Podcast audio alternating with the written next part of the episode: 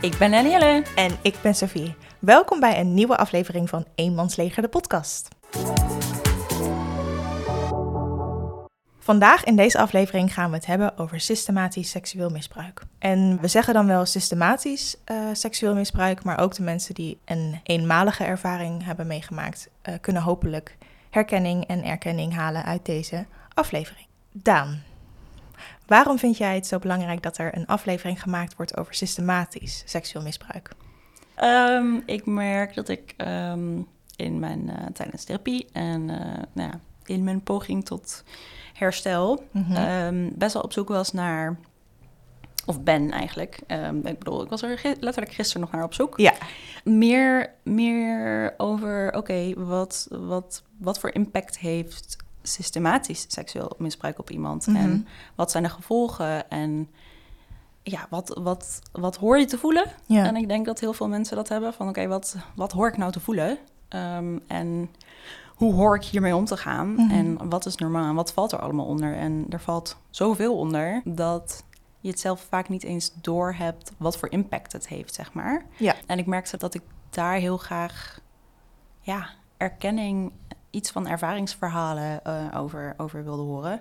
Maar ja, dat, dat was er gewoon eigenlijk heel weinig. Weet jij zo of er wel aanbod is in inderdaad afleveringen of weet ik veel, uh, YouTube-video's of wat dan ook over seksueel misbruik, maar dan niet per se systematisch seksueel misbruik? Ik heb heel veel kunnen vinden. Ik uh, weet zo uit mijn hoofd niet per se van de mm. namen of wat dan ook, maar wel veel inderdaad over, over ja, eenmalige ervaringen van uh, aanranding, verkrachting, ja. gewoon seksueel, gewoon tussen haakjes, ja. helemaal niet gewoon, maar. Nee. Hè, uh, seksueel, ja, ja. seksueel misbruik uh, in, in zijn algemeenheid. Ja. Maar iedere keer als ik er dan begon met luisteren, dan dekte het de lading gewoon niet helemaal. Mhm. Mm -hmm. Van uh, bijvoorbeeld, nou ja, het is ook al heel anders als. en laat ik vooral in eerste instantie de disclaimer geven van wat je hebt meegemaakt, eenmalig, systematisch niks is, is heftiger of minder heftig. Dat doet niks af aan, aan je gevoelens en je ja. ervaring. Mm -hmm. Dat wil ik sowieso vooropgesteld ja, het is hebben. allemaal verschrikkelijk. Het is verschrikkelijk wat je ja. is overkomen. Mm -hmm. Maar voor mij was het, omdat het op zo'n jonge leeftijd is gebeurd... weet ik eigenlijk niet beter dan dat misbruik de norm was. En dat is waar ik nu ook ben achtergekomen dat dat is, ook is hoe ik vervolgens bijvoorbeeld seksuele relaties ben aangegaan met dat in acht nemend van nou ja, dat is, ja, dat is normaal dat dat ja. gebeurt. Ja. Uh, dus wanneer het op zo'n jonge leeftijd gebeurt, ja, heeft dat echt wel heel verregaande gevolgen. Ja. En wat er dan bijvoorbeeld ook in andere podcasts dan wordt benoemd van bijvoorbeeld je lichaam is nu ineens niet minder waard, maar mijn lichaam was niet, nog niet volgroeid toen het gebeurde. Mm -hmm. uh, dus ook al is het nu anders, voelt het alsnog als ik heb nooit zeg maar die band met mijn lichaam kunnen, kunnen opbouwen en ontwikkelen. Misbruik daar buiten gelaten, zeg maar. Ik heb die kans nooit gehad, omdat het vanaf, nou ja, zolang ik me kan herinneren, al gebeurde. Dus wanneer het, het dan gaat over probeer de band met je lichaam te herstellen, dan denk ik, ja, ik had nog geen band met mijn lichaam. Mm. Dus het enige wat ik ken is een verstoorde band met mijn lichaam. Um, dus daarin merk je dan al, het is net niet, niet wat, wat ik zoek, zeg maar. Nee, nee. Net niet wat ik voel en dan kan je je net niet herkennen in het verhaal. Dus jij dacht, tijd om wel zo'n aflevering te maken? Ja, ik dacht, nou, dan doe ik het zelf maar weer. in ieder geval wil ik tegen je zeggen dat het super knap is dat je vandaag je verhaal wil delen met iedereen die luistert. Het is gewoon vet spannend. Het is echt wel vet spannend. Ja, want het is natuurlijk gewoon hartstikke persoonlijk. Ja, ja. En ik merk ook inderdaad van dat mijn, uh, ja, mijn adem, ademhaling zit best wel hoog. Ja. En uh, als ik soms ineens zachter ga praten of um, ja, mijn stem iets anders klinkt, dan Mhm. weet dan, nou ja, dat zijn uh, zenuwen, spanning. Ja. Ja. Dat ik me gewoon heel kwetsbaar voel. Ja. Zou jij, als Ja. het lukt, Ja. eh, voor de mensen die jouw verhaal nog niet kennen, die nu voor het eerst inschakelen, zou jij misschien kort of lang, wat je zelf wil, willen vertellen over, over dat systematische seksuele misbruik? Ja, ik ga eh, ook eh, nog een disclaimer geven als dingen warrig klinken of het onsamenhangend is. Kan ik gewoon niet heel veel aan doen. Nee. Eh, want eh, ja, voor de mensen die het weten, trauma doet hele gekke dingen met je hersenen. Dus waardoor je gewoon eh, ja, beetje chaotisch over kan komen. Zeker als je zo'n verhaal vertelt, denk ik. Precies. Ja. Ja. Dan denk ik, oh, dit was ook nog belangrijk. En oh, Ja. dit, was, oh, dit is misschien ook handig om te weten. of zo. in, ja, precies. Ja. En dan, ja, dan kan soms de clue van het verhaal een beetje ontbreken of veel later komen. Ja. Dus goed opletten, jongens. Goed opletten. Ja. Een test voor de concentratie. ja, zeker, zeker. Het begon allemaal, ja, eigenlijk zover ik me kan herinneren. Mhm. Eh, ik ben dus seksueel misbruikt door mijn opa.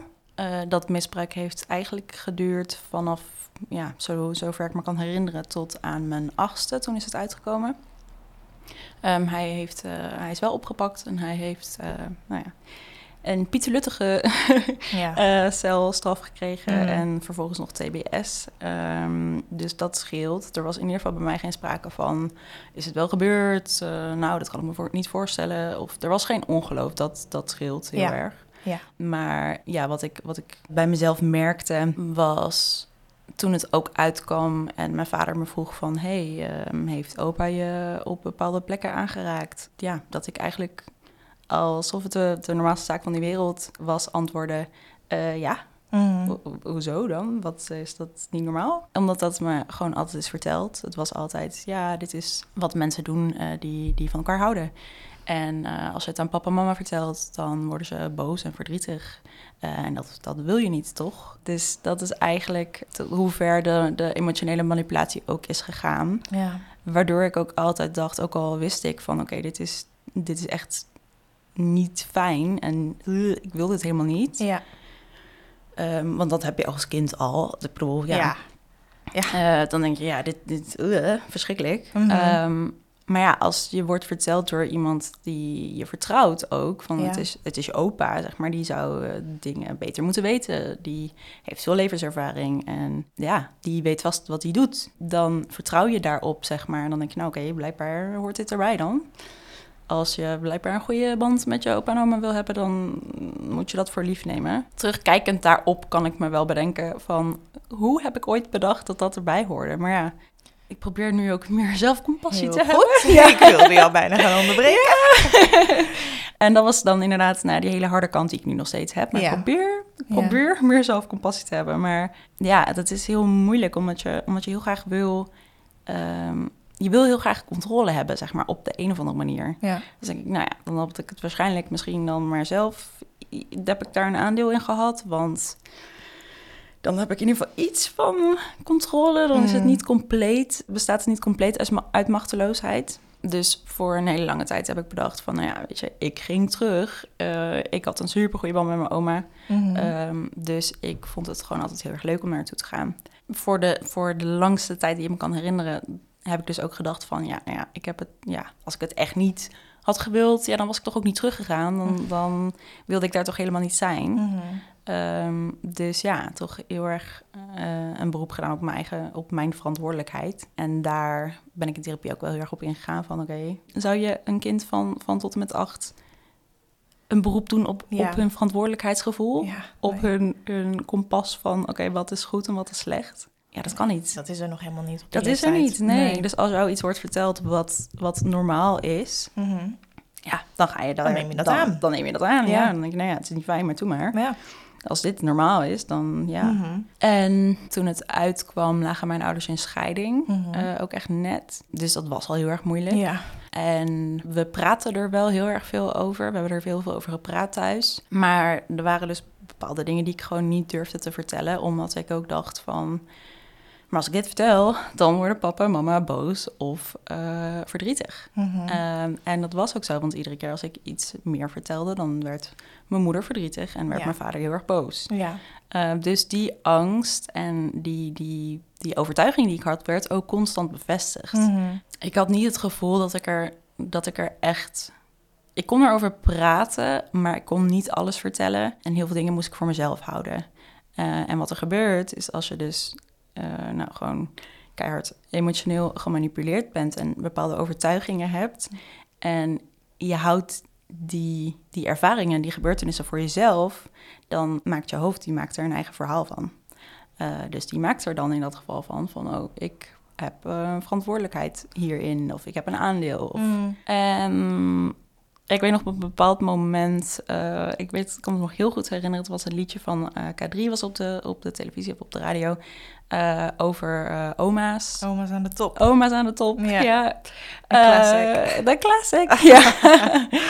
en ik mocht mijn, mijn oma mocht ik ook niet meer zien. Toen het uit was gekomen. Toen het uit was gekomen, ja. ja. Maar op dat moment dacht ik, oké, dus en mijn ouders liggen in scheiding. En uh, ik mag, uh, ik bedoel, het huis van mijn opa en oma was echt mijn tweede thuis. Zeg ja, Ik was echt super zo vaak veel. Je er, ja, ja uh, daar mocht ik ook ineens niet meer heen. Um, en ik mocht mijn oma, ik, mijn oma had, mocht ik ineens geen contact meer mee nee. hebben. Terwijl ik dacht, ja, maar zij heeft niks fout gedaan. Mm -hmm. Dus waarom wordt dat dan ook nog van me afgenomen? Zeg maar. Ja. Dus echt alles wat ik, alles wat ik kende, wat vertrouwd voelde, was ineen ja, gestort. Onder ja. je voeten weggeveegd. Ja, ja, precies. Dus terugkomend op dat liedje, ja, dat raakte me gewoon ontzettend. Omdat ik dacht, ja, oma zijn het op, maar ja, ik mag mijn oma niet meer zien. Ja. Dus ik weet niet, maar Ja, oh. lullig. Kut kader. ja, kut K3.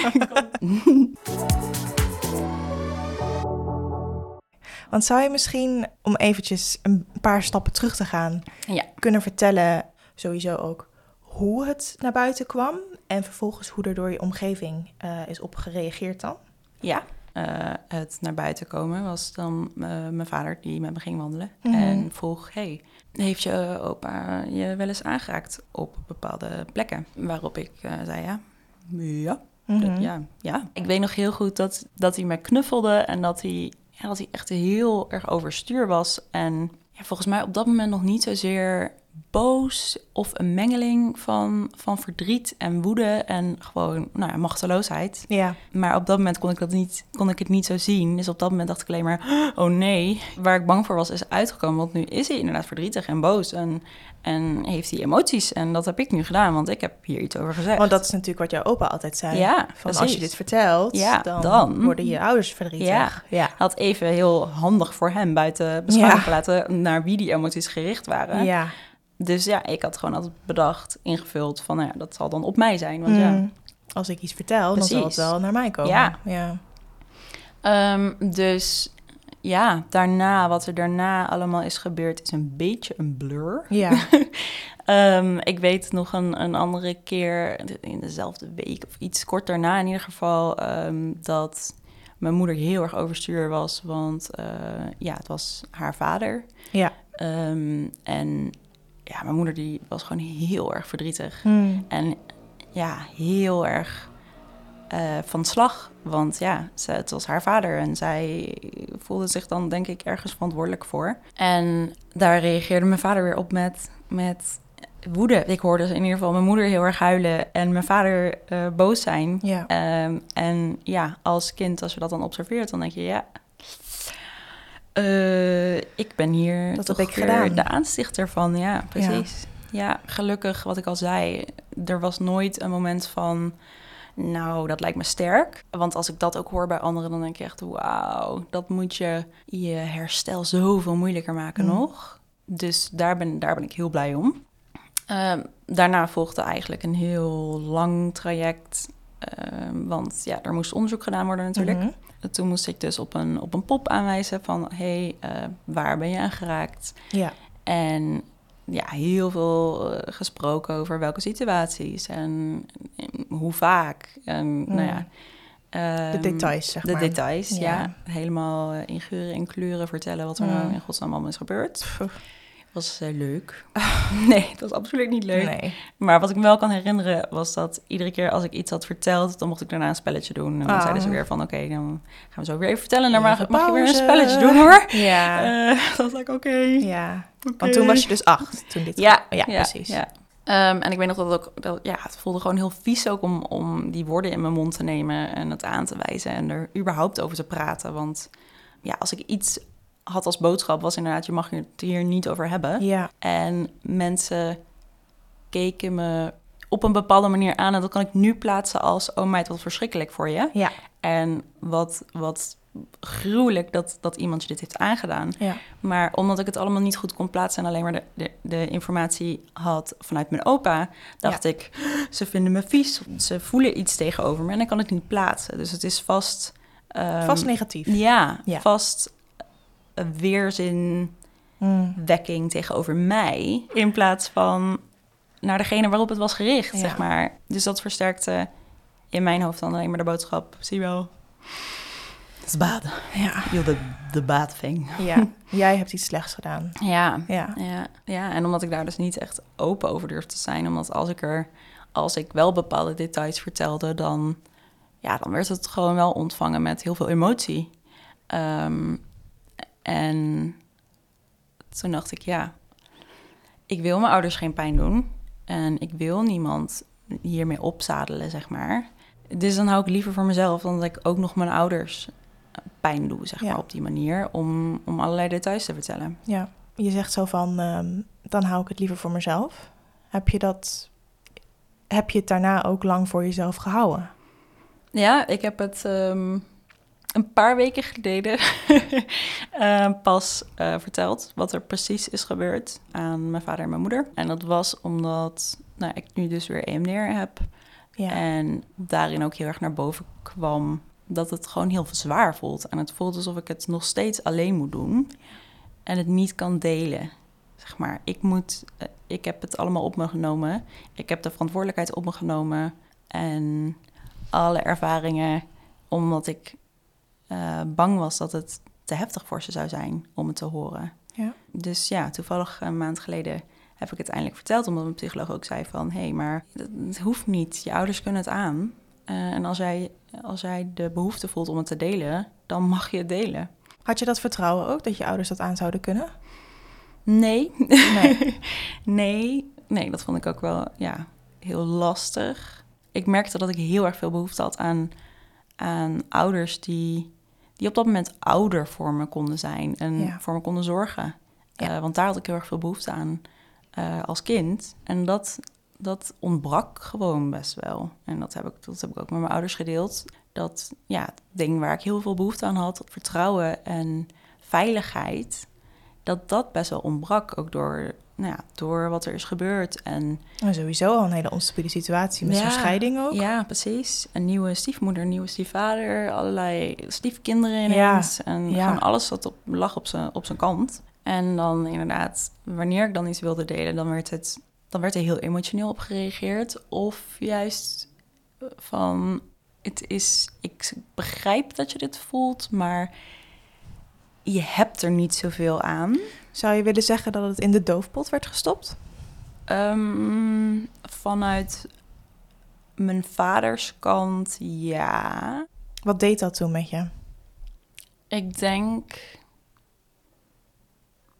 Want was het zeg maar, sorry, je zit hartstikke in gedachten. Ja, Ik ga weer, ik ga weer een vraag Omdat ik, stellen. ja, ik dacht, ik wil mijn vader niet, niet, niet zwart maken. Want ik, ik kan nu verklaren waar het, waar het vandaan komt. En dat is Ja. zijn eigen opvoeding. En Ja, dat hij niet, niet, nooit is geleerd om met emoties overweg te kunnen. Dus dat het Nee. dan maar hè, Mhm. even weggestopt moet worden. Want je hebt er niks aan, want Nee. je moet door, zeg maar. Nee. Je kan niet leven als je in emotie blijft hangen. Ehm, dus dat, daarom zat ik in gedachten van... Mhm. ah, ja, ja. Had je het idee dat je, dat er zeg maar bij je moeders, eh, als je dan bij je moeder was, dat er dan op een bepaalde manier werd gereageerd. En dat je dan als je naar je vader ging, weer heel erg moest schakelen naar, oh ja, hier wordt het wel anders ook weer gedaan. Had je dat idee ook? zeker. Ja, ja. Nee, het was maar mijn moeder die wilde er juist heel erg over praten. Mhm. Ehm, omdat ze wist van, ja, we kunnen, dit, we, kunnen dit niet, we kunnen dit niet wegstoppen. Er moet over gepraat worden. Maar ja, dat contrast was inderdaad zo groot. Dan iedere keer als ik, als ik gewoon thuis, was dat dan bij mijn moeder... want bij mijn vader was ik dan één keer in de twee weken ongeveer in het weekend... Als ik dan thuis kwam na school, dan was het oké, hoe was de schooldag? En eh, we moeten er even over praten, of we gaan erover praten. Of ben je ergens tegen aangelopen? Dus dat was, was vanuit alle goede bedoelingen. Vanuit Ja. mijn moeder en vanuit mijn vader ook alle goede bedoelingen. Ja, Maar ja, daardoor stond het, het praten erover stond me echt ontzettend tegen op een gegeven moment. Mhm. En bij mijn vader was het dan een soort van: oké, we praten er gewoon niet echt over. En dat was fijner, want het was gewoon heel erg pijnlijk om het erover te hebben. En ik zat, nog, ik zat nog steeds heel erg in dubio, want alles veranderde en ik miste mijn oma nog steeds heel erg. En ik snapte, ik snapte gewoon allemaal niet waarom, waarom alles was veranderd. Mm. Mijn ouders hebben me wel uitgelegd van... Oké, maar dat is slecht. Wat er is gebeurd is slecht, zeg maar. Maar het waarom en wat er vervolgens allemaal gebeurde... ging allemaal langs me heen. Ehm, wat ik snap, want ik was acht. Maar het werd niet uitgelegd van... oké, dit is de reden waarom dit nu gebeurt. En dat was gewoon... nee, opa en oma zijn slecht en die mag je niet meer zien. Mhm. Ehm, dat voelde dan ook weer heel erg machteloos. Want dan dacht ik, ja, maar, maar waarom? En, en wat, wat gebeurt er dan? En waar zijn ze in godsnaam terechtgekomen dan? Ja, waar, zijn ze? Ja. Ja, ze zijn gewoon ineens weg. Ja. Dus het er niet over praten, zeg maar, heeft me uiteindelijk opgeleverd dat ik eh, heb kunnen functioneren. Dat ik gewoon ja, mijn middelbare school heb afgemaakt en ehm, vervolgens met mijn vervolgopleiding ben begonnen. Maar ja, toen ik vervolgens met mijn stage bij slachtofferhulp begon, toen ehm, merkte ik dat inderdaad dan zedenzaken me ontzettend hard raakten. En ik snapte niet waarom. Ik snapte oprecht niet waarom. Want ik dacht, ja, waarom heb ik hier zo'n heftige reactie op? Omdat ook wanneer ik het over het misbruik had, eh, dan kon ik het eigenlijk ook alleen maar vertellen als een soort krantenartikel dat ik voorlas. En ik merkte aan de reactie van mensen wel van, oh ja, dit is heftig. Maar dan dat, oh ja, dit is heftig, eh uit zich dan eigenlijk alleen maar in, zie je wel, ik doe het niet goed, want ik zou hier dingen over moeten voelen en ik voel niks. En misschien zeg ik dit nou alleen maar omdat ik dan medeleven wil of Mm. bijzonder wil zijn of zo. En ik, ik, ik heb het ook bijna niemand verteld. Eh, maar wanneer ik het vertelde, weet ik nog dat ik heel erg bang was dat, dat mensen me dan anders zouden zien. En dat ze me vies zouden vinden en, en gebruikt. En al die overtuigingen die je vaak hoort bij seksueel misbruik, Ja. die had ik allemaal tot me genomen en als waarheid aangenomen. Ja. Dus ja, ik schaamde me er gewoon heel erg voor dat het was gebeurd. Dus distancieerde ik mezelf ervan. Dus als ik het dan wel vertelde aan iemand, omdat het nou, op de een of andere manier van belang was, zeg Mhm. maar, ja, dan, dan was het een verhaal wat ik vertelde. En dan dacht ik, oké, emotioneel. Oh ja, mensen reageren hier emotioneel op. Nu Moet ik jullie naar jou nou troosten? Mm. Ehm, ja, want dat, dat was... Ik dacht, ja, ik, ik voel er niks meer bij. Nee. Dus ja, dan Ja. zal het me vast ook niet meer belemmeren. Nee. Ergens in. En je hebt zeg maar in je hele middelbare schooltijd en dan tot, totdat je je stage ging lopen dan, had je dan geen situaties die je bijvoorbeeld ook weer terug deden denken aan die periode? Had je het gewoon echt zeg maar weggestopt toen? Ja, Ja. ja. Knap. Dank je, ja. Nou ja. Nou ja. Schouderklopje Eh, op mijn hersenen. Hersenklopje. Nee, dat was het rare, ja. Want ik weet nog dat ik naar de psycholoog ging... omdat ik last had van woedeuitbarstingen. Omdat ik niet, als ik... eh, Wanneer was dat? Sorry dat ik... ehm, dit was na... tijdlijn te volgen. Sorry, ja, ja. eh, mijn stage bij slachtofferhulp. Toen merkte ik dat ik best wel aanliep tegen heftig, gewoon hele heftige emoties. En ik wist niet wat ik ermee moest. Goed, ja. Ik kon er niet mee overweg. Ik snapte niet waar ik het moest laten. En dan uit het in woede naar mezelf toe of naar... eh, ik- het was gewoon echt totaal eh, onvermogen om met emoties om te gaan. Mm. En heel erg angstig dat mensen bij me weg zouden gaan. Ja, een beetje duwen en trekken had ik dan. Van, oh, ik ga even kijken of je weggaat. Mhm. Ehm, maar ik wil helemaal niet dat je weggaat. Ja. Dus dat is een beetje dat duwen trekken en Ja. verlatingsangst. Ehm, hele heftige stemmingswisselingen. Want op het ene moment dan dacht ik, oh, leuk, alles is leuk en aardig en zo. En dan kon het, kon het echt van het een op het andere moment ver- veranderen. Mhm. Eh, en dat was dan eh, ja, niet eens per se een trigger, maar uiteindelijk als ik er nu op terugkijk, dan denk ik, ja, dat wa- waren eigenlijk allemaal triggers. Want dan Ja. zag ik bijvoorbeeld een, een moeder met een kindje lopen en dan, dan voelde ik me dus zo verdrietig ineens. Ja, En dan dacht ik, waar komt dit nou vandaan? totaal niet Dat kunnen plaatsen. Any sense. Ja. Precies. Ja. Gewoon eh, pff, echt de meest random dingen. Dat er dan eh, bijvoorbeeld ik in de supermarkt liep en eh, de rijst die ik, eh, die ik altijd kookte, dat was op. En dan Ja. dacht ik, oh my god. Mm. ja. Gewoon heel verdrietig of dan heel boos of heel blij. En ik kon er geen, geen touw aan vastknopen. Er Nee. was echt geen patroon in te vinden. Eh, dus ja, dat waren mijn klachten Ja. waar ik, eh, waar ik mee naar de psycholoog ben gegaan. Eh, en toen weet ik nog ook dat ik heel nonchalant tussen neus en lippen door vertelde van... oh ja, ik ben ook seksueel misbruikt vroeger. Ja.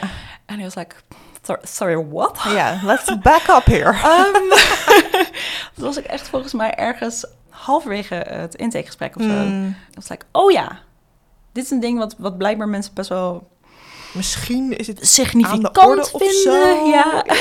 Eh, en toen heeft hij echt heel erg geport eh, en doorgevraagd. En iedere keer dan precies benoemd eh, wat, dan heel, wat dan heel erg veel pijn deed. En toen brak ik uiteindelijk. Maar ja, toen waren ook echt de, de, de sloten gingen open, zeg Ja, maar. ja, ja. Ehm, Hek van de Dam. het hek van de dam, ja. Dus dat was, dat, ja, toen heb ik dus echt anderhalf jaar exposure en EMDR gehad. Ja, Maar in de tussentijd heb ik natuurlijk ook nog eh onder middelbare school mijn eetstoornis gehad. precies. Eh, wat ik nu kan herkennen als eh, een manier om ergens controle over te hebben. Ah ja. Ehm, en wat je ook vaak ziet is dat borderline, want daar ben ik dus uiteindelijk toen mee gediagnosticeerd van Mhm. hè, onvermogen om met emoties om te gaan, woedeuitbarstingen, stemmingswisselingen.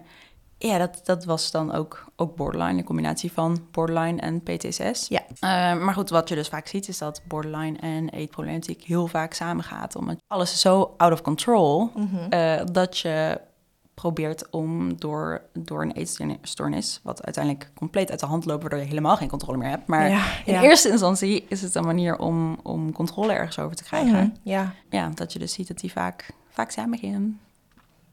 Ja. Dus nu achteraf kan je zeg maar zien van... hey, die, die eetstoornis, dat was waarschijnlijk een... eh, de aanleiding daarvan kwam voort uit het trauma. Ja, ja.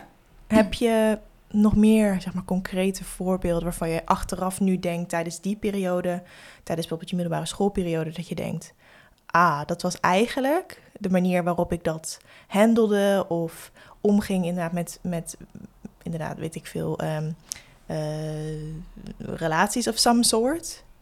Kan je nu zeggen van, als je daarop terugkijkt, hé, hey, dat kan ik ook linken aan dat trauma? Ja, ik denk sowieso dan bijvoorbeeld vriendschappen. Voelde altijd alsof ik mezelf heel erg moest bewijzen. Mm. Want ze gingen er op een gegeven moment van achterkomen dat al deze dingen die ik geïnternaliseerd had, dus dat ik me voor mezelf moet schamen en dat ik ergens schuldig aan ben, dat dat mis met me was. Dus ik moest mezelf constant bewijzen eh, om te laten zien, nee, ik ben wel een leuk mens en ik ben wel een goed mens en ik ben het waard, zeg maar. Die bewijsdrang was zo hoog dat ja, ik gewoon, ook al had ik dan een langdurige vriendschap, eh, bijvoorbeeld nou ja, tussen jou en mij, Mhm. eh, was ik daar bijvoorbeeld met therapie, was dat dan echt wel een heftig voorbeeld dat ik iedere keer weer bang was van nee, nee, nu gaat ze weg, nu Ja. gaat ze ook echt weg, want Ja. want, ja dat, dat kan niet, dat iemand dit ziet en dat hij alsnog blijft, zeg Mhm. maar. Want was dat je ervaring? Dat, die, dat als mensen dus wisten, dat ze dan weggingen? Of zeg maar, hoe, hoe heb je dat zo aan elkaar gelinkt? Ik denk dat het heel erg kwam door de ervaring van ik mocht er niet over praten en dat heb ik uiteindelijk toch gedaan en daardoor ehm, viel eigenlijk alles uit elkaar. En Ja. dat, dat was allemaal uit elkaar aan het vallen, maar Dat verergerde het, Ver- zeg maar, voor ergerde jou. het heel erg, Ja. ja. Eh, dus, dus het verlies van, van mijn opa, waar ik, nou ja, daar was ik dan niet heel erg rouwig om. Eh, maar wel mijn oma. En eh, dat mijn, mijn ouders, die konden voor dat punt, waren ze gescheiden, maar konden ze wel heel erg goed, goed met elkaar overweg nog steeds. En Mhm. mijn vader kwam wat koffie drinken en we gingen dan vaak nog samen eten of uiteten. En ja, vlak daarna, toen het uitkwam, was er heel veel ruzie en heel veel, heel veel onrust gewoon. Ja. Dus ik denk dat, dat, dat ik dat heel erg heb gelinkt aan... dit is mijn schuld. Want hiervoor was het niet zo. En nu heb ik dit verteld. Nu denk, hebben ze een, bepaalde, een bepaald beeld van me... of een bepaalde ehm, een oordeel. Dus nu gaat iedereen weg Hm. of heeft iedereen ruzie met elkaar. Dus ik moet vooral dan niet al die emoties laten zien... want dat vinden mensen niet fijn en dan gaan ze weg. ja. Dus ik heb eigenlijk super lang een masker opgehad. En dat was ook van, oké, als ik dunner ben, dan vinden mensen me dus aardiger. Of dan zien ze me staan. Of dan ben ik blijkbaar meer waard, want er is Hmm. meer aandacht. Dus dat was dat dan ook van, ah, dus dit is hoe ik dan moet zijn, willen mensen me zien. Ja. If that makes sense. It does, voor mij in ieder geval. Oké, Ik kan het volgen. that makes sense. ja. Ja, dus eigenlijk de invloed die het, die het op me heeft gehad, ja, is, is eigenlijk constant aannames doen en inschatten van wat willen mensen van me? Wat, hoe kan ik de versie zijn van mezelf, Mhm. waardoor ik mensen niet van me afjaag, Ja. zeg maar. Ja. En eh, op het gebied van romantische eh, relaties Ja. ehm, Nou ja, toen had ik eigenlijk niks door. Nee. Was like, I'm fine. As long as I'm skinny, I'm fine. ja, dat was bad. Ja, het sounds bad. really bad. Ja. maar ja, ik denk wat, wat mensen die ja, misbruik kennen uit eigen ervaring wel herkennen, is dat je je grenzen gewoon niet aanwezig zijn eigenlijk. Ah, oké. ja. ja. dus het idee van En hebben we het dan, sorry, hebben we het dan specifiek over op jonge leeftijd dit meemaken? Mm, nee, ik denk ehm, iedere, iedere ervaring. Oké. En nou, kan ik natuurlijk niet over iedereen spreken, maar ik kan alleen vanuit mijn ervaring spreken. En dat is omdat ik niet beter wist Mhm. dan dat je grenzen oversch- overschreden worden. Ja. Heb ik nooit geleerd hoe moet ik grenzen überhaupt aangeven. Mhm. Ehm, en dan is dat op vriendschappelijk gebied, op werkgebied, eigenlijk op al, alles. ja. En dus ook op seksueel gebied van oké, wat, wat is acceptabel? Wanneer, eh, wanneer is iets consent en wanneer niet? En wa- kan je überhaupt nee zeggen? Daar ben ik eh, nu mee bezig in Ja. therapie. ja. Wat een hele hoop ehm, openbaringen geeft, is dat ik meer bekend ben met ervaringen op seksueel gebied die niet consensueel zijn dan ervaringen waarin ik volledig dacht: oké, Dit ja, wil ik. ik wil seks. Mhm. Precies. Eh, op de momenten zelf was het als ik merkte dat de ander graag seks wilde, dan dacht ik: oké, maar het is nu niet. ehm, het is nu niet veilig om nee te zeggen. Ah, ja. Ehm, als ik nu nee zeg, dan kan er dus iets ergs gebeuren. Ehm, dus dan bescherm ik mezelf liever en dan onderga ik het maar weer. Want daar ben ik toch bekend mee. Dit is wat je aangeleerd hebt. Ja. Ja. Oké, als ik het er.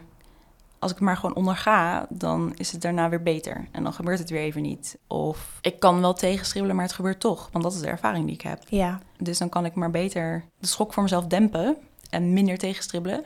ehm, zodat het niet nog erger wordt. Ja, dus daar had ik het dan ook afgelopen week met mijn psycholoog over. Eh, omdat we het, eh, het hadden over eh, dat ik nu best wel, ja, best wel vaak de angst heb om naar buiten te gaan. In de veronderstelling dat mensen me observeren Ja, en me op een bepaalde manier interpreteren. precies. Ja. En dan vooral een positieve manier. Ehm, want dan voelt het heel erg alsof ik een, een prooi ben, zeg maar. Oké, ja. Dus wat ik ook merk, is dat ik, ehm, waar ik het ook wel met mijn psycholoog over had, van dan trek ik maar hele grote, wijde kleren aan, Mhm. ehm, waarin je echt niks kan zien. Ja. Ehm, in de hoop dat ik dan Minder opval? Ja, dat minder opval dat mensen niet kijken. Mhm. En dat je dus niet, dat je dus niet wordt, op een bepaalde manier wordt waargenomen door iemand. Ja. Dat hoopte ik in ieder geval. Mhm. Ehm, blijkt dat mensen los zittende Ja, kleren joh. alsnog hartstikke leuk vinden en zo. nou ja, dus zelfs als ik, als ik dan gewoon maar Ja. een knot had en geen make-up en eh, gewoon eh, vet oversized kleren aan Ja. heb. En dat mensen dan alsnog goedkeurend keken, dan dacht ik, ja, eh, ik voel me echt heel onveilig en ik wil naar huis. En paniek en angst en ja, gewoon echt de overtuiging, er gaat iets slechts gebeuren nu. Ehm, en ik weet niet of mensen dat herkennen van eh, trauma en PTSS, is dat je constant heel erg oplettend bent. Dus als je iemand in de supermarkt ziet die, die achter je langs wil of zo, dan neem je dat allemaal waar, want je, je observeert alles. Alles komt binnen. Eh, ieder mogelijk gevaar moet je constant in de gaten houden. Dus als ik dus naar de supermarkt ga, dan is dat echt een hele uitputtende ervaring. Ja. Eh, en in de stad loop. En eh, nou ja, dus... Omdat je eh, gewoon hyper alert bent. ja, hyper alert. Mhm. Dus ik hoor alles, ik zie alles, ik ruik alles. En ja, gewoon echt die overtuiging van... Nou, iedereen ziet me, iedereen neemt me op een bepaalde manier waar... ehm, waardoor ik niet veilig ben. Ja. Dus daar had ik het eh, afgelopen week over met mijn psycholoog. Mhm. over die angst, want ik was er heel erg trots op. Want ik had tegen mijn vriendin... Disclaimer, ik heb nu een relatie met een vrouw. Much better. Much better. Sorry man. Ja. But you know. Eh, voelt gewoon echt heel erg veilig, dus dat is fijn. Ja, dat is heel fijn. Maar... Shout-out. Shout-out. Shout-out. Ja. You know who you are. ja. Eh, maar goed, daar gaan we nog wel een hele aflevering Ja. over doen. Oh, Eh, spannend. Nou ja, hele aflevering. Oh. Maar het is wel een big happening. Oké, ja, ja, nee, ja, zeker. zeker. Ehm, maar dat ik dus aan mijn vriendin had aangegeven van... hey, ik geloof dat ik heel erg anxious ben, want ik wil naar de supermarkt en ik heb me al vier keer omgekleed Ja. en niks voelt, het voelt allemaal niet goed. Mhm. Eh, dus volgens mij betekent dit gewoon dat ik, dat ik te gespannen ben, Ja. omdat ik me heel kwetsbaar voel. Mhm. En toen, eh, nou, toen hebben we gewoon lekker, lekker thuisbezorgers gedaan. Dat was heel fijn. Lekker, bank, lekker op de bank, Ah. dekentje, Fijn. thee. Ja. Ja. dus dat was heel fijn. Dus daar had ik het over. Ik was like, oh my god, big win. ik heb het bij mezelf herkend. En Ja. ik heb mezelf niet gedwongen om alsnog te gaan. Supergoed. Eh, want dat is ja, wat ik normaal doe. Is gewoon, nou ja, niet zeuren, maar gaan. Ja. Eh, want ja, dat is disclaimer. dat is wat ik heb geleerd. Ja. Ja. Ehm, dus die hele kritische stem en alles. ehm, ja, dat komt ergens vandaan. Maar dat, ja, dat helpt nu niet echt meer. Maar ja, het is super moeilijk om daar vanaf te komen. Ja. Dus ik dat heel trots aan mijn psycholoog verteld. En toen zei mijn psycholoog, oké, maar, maar waar komt het dan vandaan? Ehm, dat je die, echt die overtuiging hebt van, oh, al- er kan op ieder moment iets gebeuren. Want we hadden het natuurlijk al heel vaak over gehad. Mijn, mijn ehm, eh, de dader, want opa, dat, dat, dat geeft hem... Nee, die eh, titel, die verdient hij verdient niet. hij niet, Nee. nee. Eh, maar die is overleden inmiddels, eh, gelukkig. Ja. Dus in principe is het gevaar er niet meer, want hij, hij is er niet Hij meer. is er letterlijk niet meer. Nee. Maar ik bleef toch die overtuiging houden van ja, maar Huh? Ja. ieder, in ieder hoekje, overal kan er iets gebeuren. Mm. Ehm, en toen zei hij dus, nou, oké, kan je dan vertellen? Heb je dan meer ervaringen of meer dingen waar, waaruit blijkt dat dat dan waar is, zeg Ja. maar? En toen begon ik dus te vertellen over nou, andere seksuele ervaringen. Weer heel nonchalant, weer heel... Ja, dit is gewoon wat Een het verhaal is. van een ander. Ja, dit is gewoon wat er is gebeurd. En ik heb er Aha. vast zelf een aandeel in gehad. En ja, dat gebeurt bij zoveel vrouwen. I can cry about it, but it's not gonna bring me anything. Ja. Mijn Ja. vader. ja, precies. Echt, echt die, die gebruiken die je toen hebt aangeleerd. Ja, ja die zitten er nog steeds in. Ja, Ja. ja. En nogmaals, mijn vader kan er zelf ook niks aan doen, want die heeft dat ook weer meegekregen. Nee, ja. Ehm, maar ja, het is wel eh, lastig om daar vanaf te komen. Eh, die overtuigingen Ja. en die, die manier om met je emoties om te gaan. Mhm. Eh, niet ermee omgaan, dus. Mhm, ja. En toen, toen, ja, toen hebben we het dus over een aantal keer gehad waar ik nu op kan terugkijken en kan denken: oké, dat was verkrachting. Maar ik kan het nog steeds niet zo voelen. Terwijl, daar hadden we het dus ook vandaag nog samen over. Zo van ik Ja. van: oké, we- we- ik weet wat de, wat de tekenen zijn van Ja. verkrachting. Ik weet wat de definitie is van verkrachting. Mhm, ja. En ik weet dat dat me is aangedaan. Mhm. Maar ik voel het niet. Ja. Ik voel het nog steeds niet. Omdat ik het voor mezelf heb afgedaan als... Nou ja, ik heb vast een aandeel erin gehad. Of ik heb vast die boodschap dan toch, toch overgebracht. Of juist niet- niet genoeg die boodschap overgebracht. Terwijl er dan op, op zijn minst... Nou ja, het zijn dan sowieso drie situaties. Drie Ja. verkrachtingen. Eén kan ik me amper meer herinneren. Dan een ander was ik niet bij bewustzijn. Dus kan ik me ook eigenlijk niet heel veel meer van herinneren. Maar goed, dat is ook op zich wel de, de regel dat iemand die niet meer bij bewustzijn is, Eh, dat je ja. daar geen seks mee hebt. Eh, ja. Nee. En dan die ander weet ik met me volle 100% dat ik heel vaak nee heb gezegd. Ja. En op een gegeven moment maar heb gezegd van oké, doe alsjeblieft dan een condoom om. Mhm. Want ik wist dat ik het toch niet meer kon tegenhouden. Dus daarin komt dan ook weer terug inderdaad van oké, dan maar zorg dat het zo snel mogelijk achter de rug is. Want je kan het niet tegenhouden. Want ik heb nou eenmaal die, erva- die ervaring en die overtuiging dat ik machteloos ben in dit soort situaties. Ja. En wat je ook vaker ziet bij mensen die trauma hebben op dit gebied, Mhm. is een dissociatie van hun lichaam. En dat heb ik eigenlijk nog steeds wel, maar het is wel beter geworden. Ehm, maar vroeger dan, vooral in de tijd dat ik die eetstoornis had, was het wel heel erg dat ik, dat ik mijn lichaam niet... Het voelde nooit als mijn lichaam. Het heeft nooit gevoeld als mijn lichaam. En daar word ik nu iets beter in. Maar ja, het is nog steeds heel lastig om een, om een band te vormen met een lichaam waar altijd maar dingen mee zijn gebeurd. Dat is altijd, er zijn altijd dingen aangedaan waar ik geen controle over had. Dus probeer dan maar eens je één te voelen in je lichaam waar zoveel trauma en pijn zit dat je daar helemaal niet wil zijn. Dus ik denk dat in die specifieke situatie waar ik het dan als laatste over had, het ook voelde als het is een, een lichaam. Het is niet per se dat het bij mij gebeurt, maar mijn lichaam. En Mhm. uiteindelijk weet ik nu, dit is gewoon pure dissociatie. Ja. En het idee, en ik denk dat het ook belangrijk om te zeggen, is om te zeggen, is dat ehm, voordat ik met, eh, met deze, deze man had afgesproken, is dat er ook wel duidelijke intenties waren van. Ah, Dit is waarom we elkaar dit is gaan zien. wel, hè, ja, het Ja, doel van onze ontmoeting. Ja. Dus dat nam ik mezelf dan ook. Dan dacht ik, ja, nou ja, weet je, ik heb het ook wel gezegd van, hè, let's, eh, let's hit it on. Get it on. Ja. Ehm, dus ja, I can't really blame him for going through with it. Terwijl inderdaad, als iemand anders me dit... Zo, kijk maar Ja. ja. met opgetrokken Sorry, hoor. inderdaad, als, als iemand anders me dit zou vertellen, zou ik denken, what the fuck? Nee, Ja, nee. eens normaal. Dat is als jij... is één- nooit jouw schuld. Nee, en een, een, een Je ja... mag altijd, altijd van gedachten veranderen. Ja, als iets in eerste instantie een ja was en je, je denkt vervolgens nee, toch niet? Nee. Dan is het een nee. Dan Ja. is het niet... Ja, maar in eerste instantie zei ja, dus dan blijft het een eh, ja. Nou en? Ja, Nou en? dus dat weet ik. Ja. Maar ik denk nogmaals, omdat ik soort van een vorm van controle wilde voelen, dacht ik, oké, maar dan kan ik het mezelf beter verwijten van, of verwijten of mezelf in ieder geval een aandeel geven hierin. Van oké, dit is mijn verantwoordelijkheid. Dus ja, ik zal daarin vast iets hebben gedaan. Om het gevoel te hebben van controle. Mm. Ik ben niet compleet machteloos, want ik heb dit gedaan. Ja, precies. Misschien dan toch dat je jezelf dan wijs maakt van ik wilde dit ergens toch misschien ook. Precies, ja. Ja. Ja, want dat, dat maakt het dan... Ja, ik wil niet Mm. zeggen makkelijker, maar... Minder pijnlijk misschien. Ja, verdraaglijker. Ja. Ehm, en omdat ik dus ook zoveel afstand voelde tot mijn lichaam, dacht ik, ja, weet je, je bent de zoveelste die er misbruik van maakt. Dus it's what happens to women. Dat is letterlijk wat ik zeg maar, tegen mijn psycholoog zei. Dat zei ik, ja. Ja. maar zoveel vrouwen hebben dit meegemaakt. Dus Dat maakt het ja, niet oké. is heel naar. Ja, Nee, dat maakt het nooit oké. nee, maakt het niet oké. maar ik dacht gewoon, ja. Want hij zei dus, ja, waarom, waarom, hoe komt het dat je dit nooit hebt verteld? Mhm. eh, in vorige sessies. Want hij was ook degene met wie ik het eerste EMDR-traject heb, Ja. heb gedaan. Mhm. En toen zei ik, ja, didn't really think it was relevant.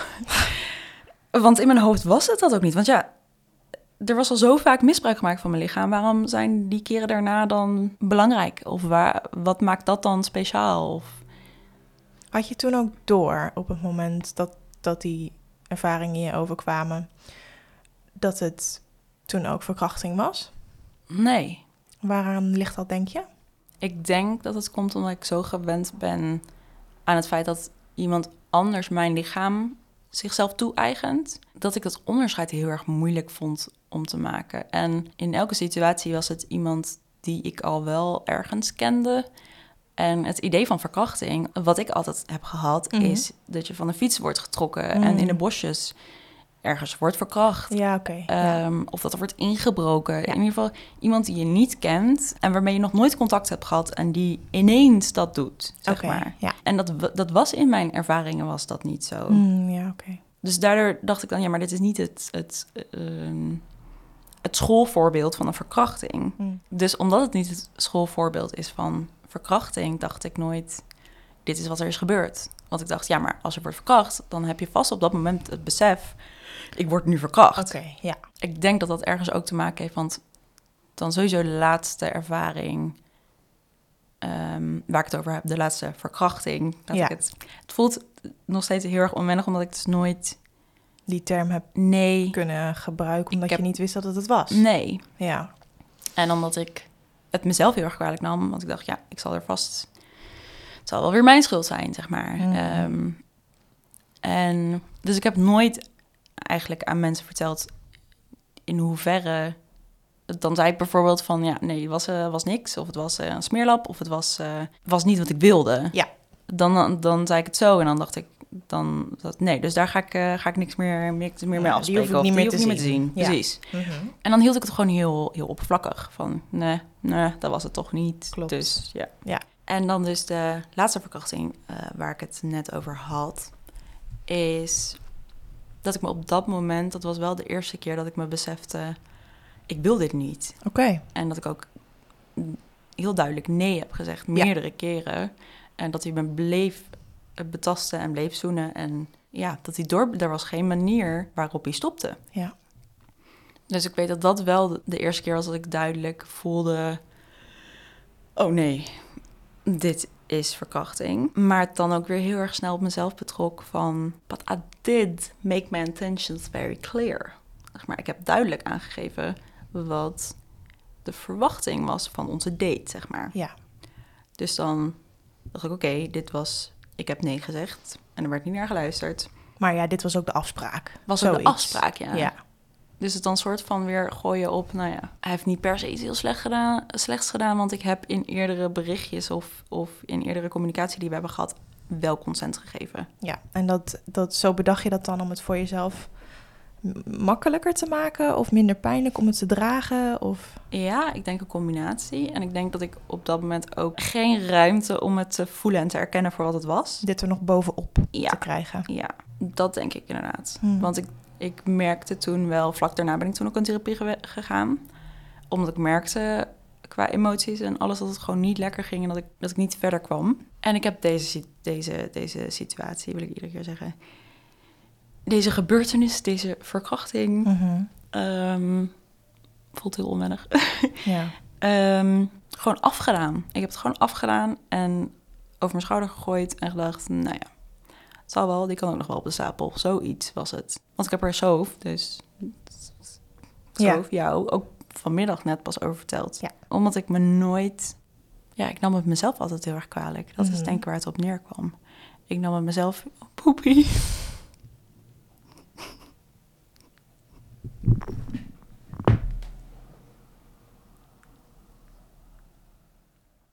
Hoi iedereen, Sophie hier uit de toekomst die alles zit te editen.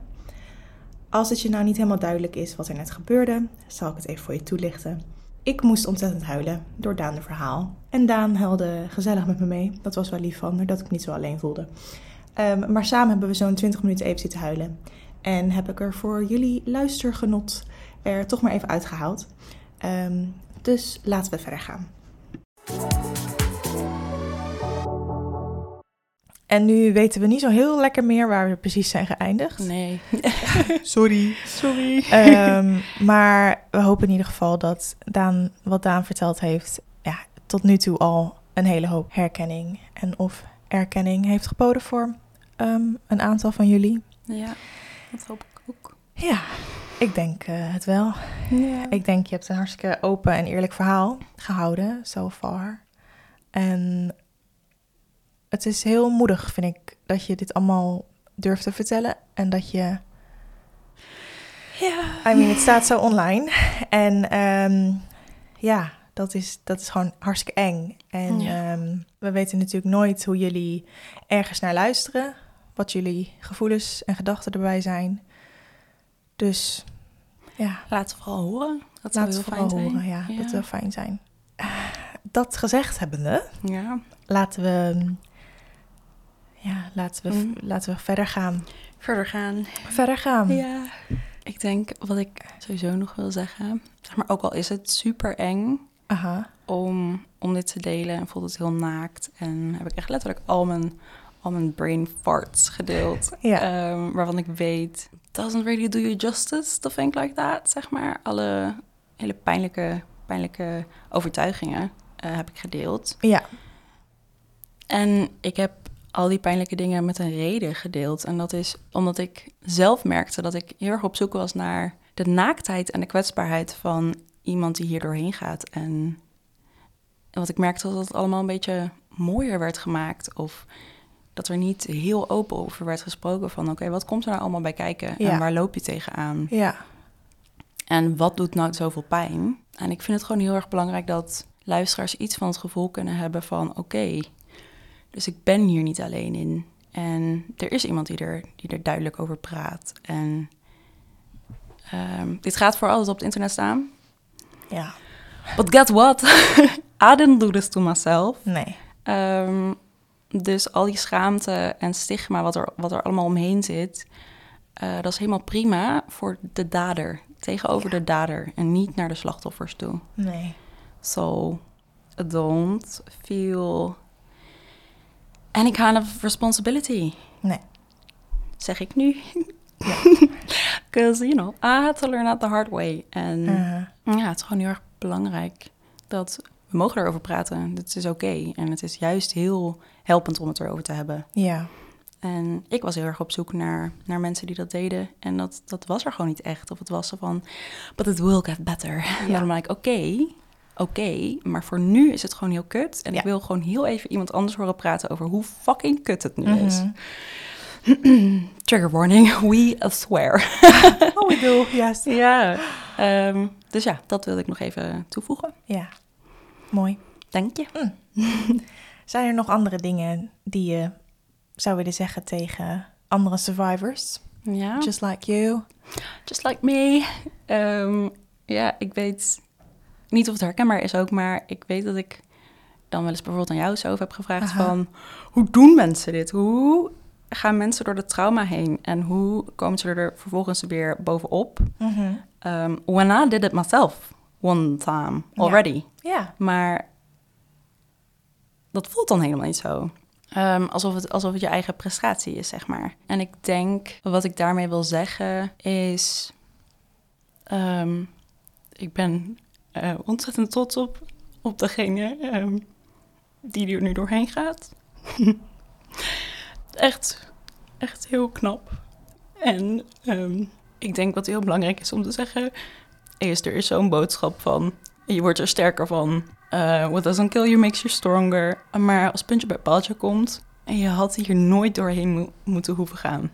Je had nooit sterker moeten worden door deze ervaring. Want het had nooit mogen gebeuren. En dat vind ik heel erg belangrijk om te zeggen. Want we kunnen het allemaal wel mooier inpakken. Maar de maatschappij is gewoon kut. Ja. En mensen, mensen zouden niet zomaar, zomaar iets van jou moeten toe, zich moeten toe-eigenen.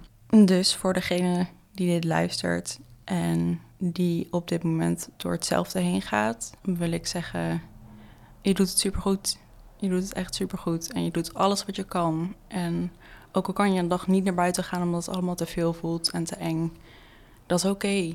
Wat jij op het moment aan het overleven bent en aan het verwerken bent, zou niemand, zou niemand moeten hoeven, hoeven doorstaan. But you're doing it. And you're still alive. Even though that might not seem vanzelfsprekend op sommige momenten. Maar ja, I just want you to know dat ik weet hoe verscheurend het voelt en hoe verpletterend en alles overheersend. En dat je daar niet alleen bent. En that I applaud you. Dankjewel voor je mooie woorden. Dank je. Graag gedaan. En sowieso gewoon vandaag. Ik wil eh, je nog wat vragen waar misschien jonge ouders ook iets aan zouden kunnen hebben die dit luisteren. Ja. Als je nou terugkijkt, dan kunnen we denk ik concluderen dat het bij jou hartstikke onhandig is aangepakt. Vroeger, Ja. ook al, met, ook al waren het met de goede bedoelingen. Ja. Wat was denk je voor jou, wat had het verschil gemaakt? Wat was wel de juiste aanpak geweest, denk je? Wat is goed voor kinderen die hetzelfde of een zelfsoortige gelijke ervaring hebben meegemaakt? Mm, ik denk sowieso voor, voor dan echt de ouders, ouders en opvoeders. Ik denk wat, wat een kind op dat moment nodig heeft. Ik kan natuurlijk niet voor ieder kind spreken, maar Mhm. wat mij heel erg had geholpen is probeer het niet op jezelf te betrekken in het bijzijn van het kind. Ja. Ik, ik begrijp echt dat je jezelf van alles kwalijk neemt en je had het moeten zien, want je bent de, bescherm, de beschermer eh, van je kind. En dat mag er zijn, maar doe dat niet in het bijzijn van je kind. Want het kind trekt er zijn eigen conclusie uit en betrekt het op zichzelf. En als het verdriet ziet of boosheid, dan is de enige conclusie die het kind daaruit trekt: oh nee, dit is naar mij toe en ik heb iets gedaan en ik ben, eh, ik ben slecht. Ehm, dus nogmaals, compleet, compleet te begrijpen, maar probeer je kind daarvoor te beschermen. Probeer emotioneel beschikbaar, aanwezig en emotioneel voorspelbaar te zijn voor het kind. Want als jij met je gedachten ergens anders zit of er niet, niet zeg maar in de moment bent, dan voelt het kind dat en dan, dan is de drempel om, om iets te bespreken is al nog veel hoger. En wat ik bedoel met eh, emotioneel voorspelbaar is dat je probeert om een soort van dezelfde reacties te geven eh, wanneer een kind ergens mee komt.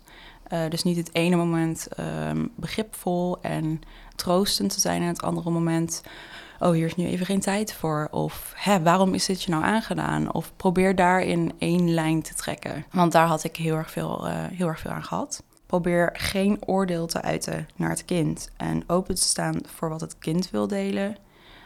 Um, dus als een kind komt met een verhaal, sta daar dan open voor en probeer het er niet uit te trekken. Want het kind heeft al genoeg trauma doorstaan. En het is gewoon heel erg moeilijk om dat opnieuw te, te herbeleven. Dus probeer daarin respectvol te zijn ook naar de grenzen van het kind. Een veilige, vertrouwde en bekende omgeving is van grote waarde voor het kind. Dat spreekt denk ik wel voor zich. Mm, ja.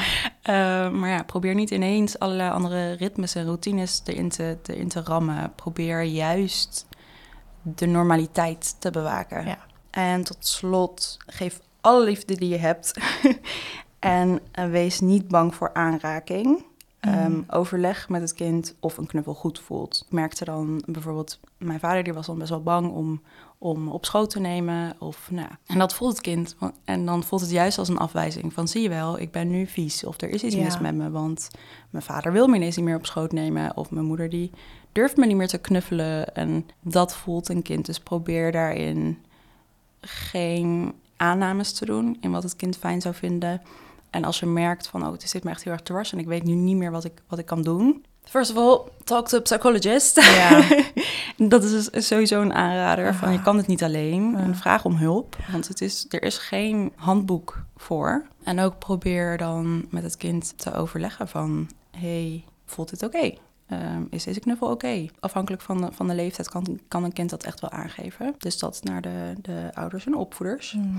En ik denk als laatste tip voor de luisteraars en onze volgers, voor degene die zelf seksueel misbruik hebben meegemaakt, of wanneer je naaste bent van iemand die, die zo'n ervaring heeft gehad, Ja. eh, dan raad ik Verlamd van Angst eh, aan om te lezen eh, door Agnes van Minne. In dat boek wordt heel erg duidelijk en eh, begrijpelijk uitgelegd.